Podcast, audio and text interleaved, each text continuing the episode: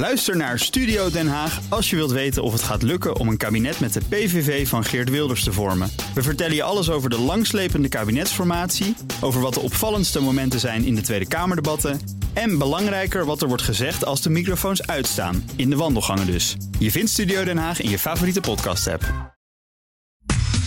Wetenschap vandaag. Duizenden moleculen tegelijk in real-time analyseren... om zo bijvoorbeeld te kunnen bepalen hoe een tumor groeit of een bot geneest. In het lab van Ron Heren in Maastricht hebben ze daar de techniek voor. Wetenschapsredacteur Carlijn Meinders die ging er langs.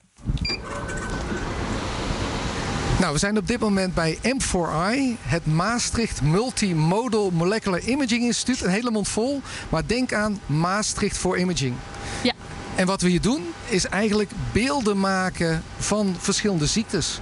Om samen met onze klinische collega's de moleculaire status van ziekte en gezondheid te bepalen. Dat is wat we hier doen. Ja, dat, als ik het goed heb begrepen, jullie zoomen zo ver als mogelijk in om echt op moleculaire schaal dus te kunnen zien wat gebeurt er in iemands weefsel of hoe zit het in elkaar. Ja, dat klopt als een bus. Eigenlijk wat we proberen te doen is de complexiteit van een oppervlak te ontrafelen. En Ja. inderdaad door in te zoomen. Dus we kijken naar de moleculen, de moleculen in de context van een cel, een cel in de context van een weefsel en het weefsel in de context van de patiënt.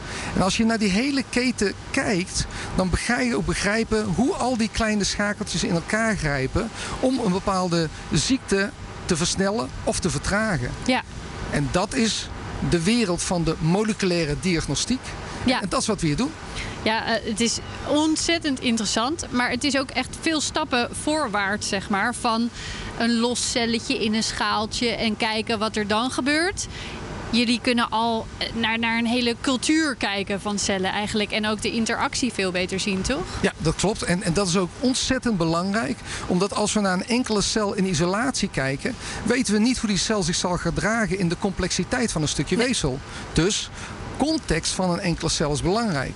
En dat is ook belangrijk voor onze klinische collega's. Wat we hier gedaan hebben, is we hebben een hele nauwe samenwerking gezocht met de medici, met de chirurgen, met de pathologen. Juist om die ontrafelde complexiteit ook meteen hun in de handen te geven. Zodat zij het kunnen gebruiken, die kennis die wij hier opdoen, om ook de patiëntendiagnostiek en de behandeling preciezer te maken. En daarmee de gezondheidszorg goedkoper, zo je wilt. Ja, nou ook niet onbelangrijk natuurlijk. Zeker niet. Nee. Ehm, we staan tussen allemaal apparatuur. Dat zegt mij allemaal niet zoveel, maar bijvoorbeeld hier, wat gebeurt hier? Nou, wat je eh, hier ziet staan is wat wij noemen eh, de eh iKnife, het intelligente mes. Ja, En eigenlijk is dat een chirurgisch mes zoals dit. En dit mes, daar snijdt een chirurg mee door een blad heel erg heet te maken. Daardoor ontstaat er rook. En die rook zuigen wij op in dat grote apparaat wat daar staat. Een massaspectrometer. Die analyseert die rook 10.000 keer per seconde. En bepaalt dan wat zit erin. En ik weet niet of je wel eens barbecue thuis. Eh, niet zo heel vaak, maar ik weet vaak. hoe het werkt. Ja? Je weet hoe het werkt. Nou, als je een stukje vlees op de barbecue legt of een stukje vis. Dat verschil ruik je. ja. En eigenlijk is dat met dat weefsel wat, wij, wat die chirurg verbrandt als hij aan het snijden is net zo. Wij analyseren die moleculaire samenstelling, ruiken aan de rook. En daarmee bepalen we of iets gezond weefsel is. Weefsel wat aan het veranderen is in een tumor of weefsel wat al tumor is.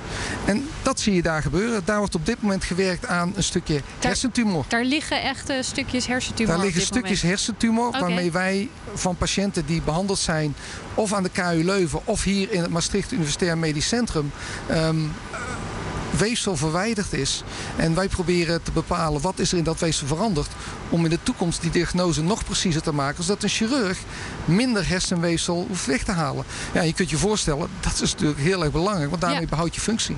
Oké, dus je, je analyseert die rook ter, Ja. bij het snijden al. Ja, tijdens het snijden. Dus eigenlijk wil je dan al kunnen zeggen wat de chirurg op dat moment als volgende stap moet gaan doen. Ehm, het is heel belangrijk om de marge van die tumor goed te bepalen. Hè. Waar houdt de tumor op Ja. en waar begint het gezonde weefsel?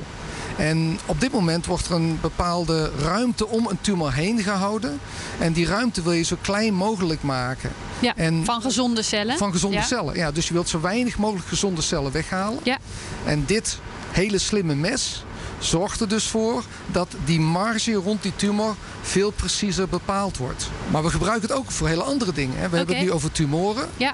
Maar uh, we gebruiken het bijvoorbeeld ook om te kijken naar mensen die hier in Limburg een stukje gaan fietsen, de Bemelerberg iets te snel afrijden, vallen Ja. en op de tafel van onze traumachirurg terechtkomen met een gebroken gewricht. Ja. Dan moet de traumachirurg bepalen moet ik dit met mijn schroeven en uh, plaatjes aan elkaar gaan zetten? Of moet de hele heupkop vervangen worden? Of moet het gewricht vervangen worden? Hoe kapot is het? Hoe kapot is het? En, en regenereert het nog genoeg? Geneest het nog voldoende? Zeker voor mensen op leeftijd is dat soms een uitdaging. Ja.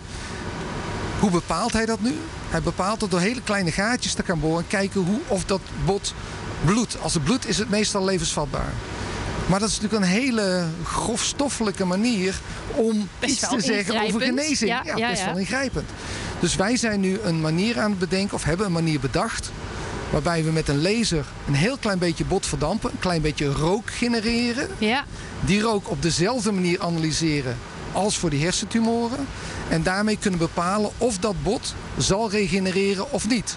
En daarmee de chirurg veel beter informatie geven om zijn besluit te nemen. Ga ik dit weer met schroeven en bouten aan elkaar zetten? Of ga ik dit hele gewricht vervangen? Ja. En daarmee de patiënt ook heel veel onnodig leed te besparen.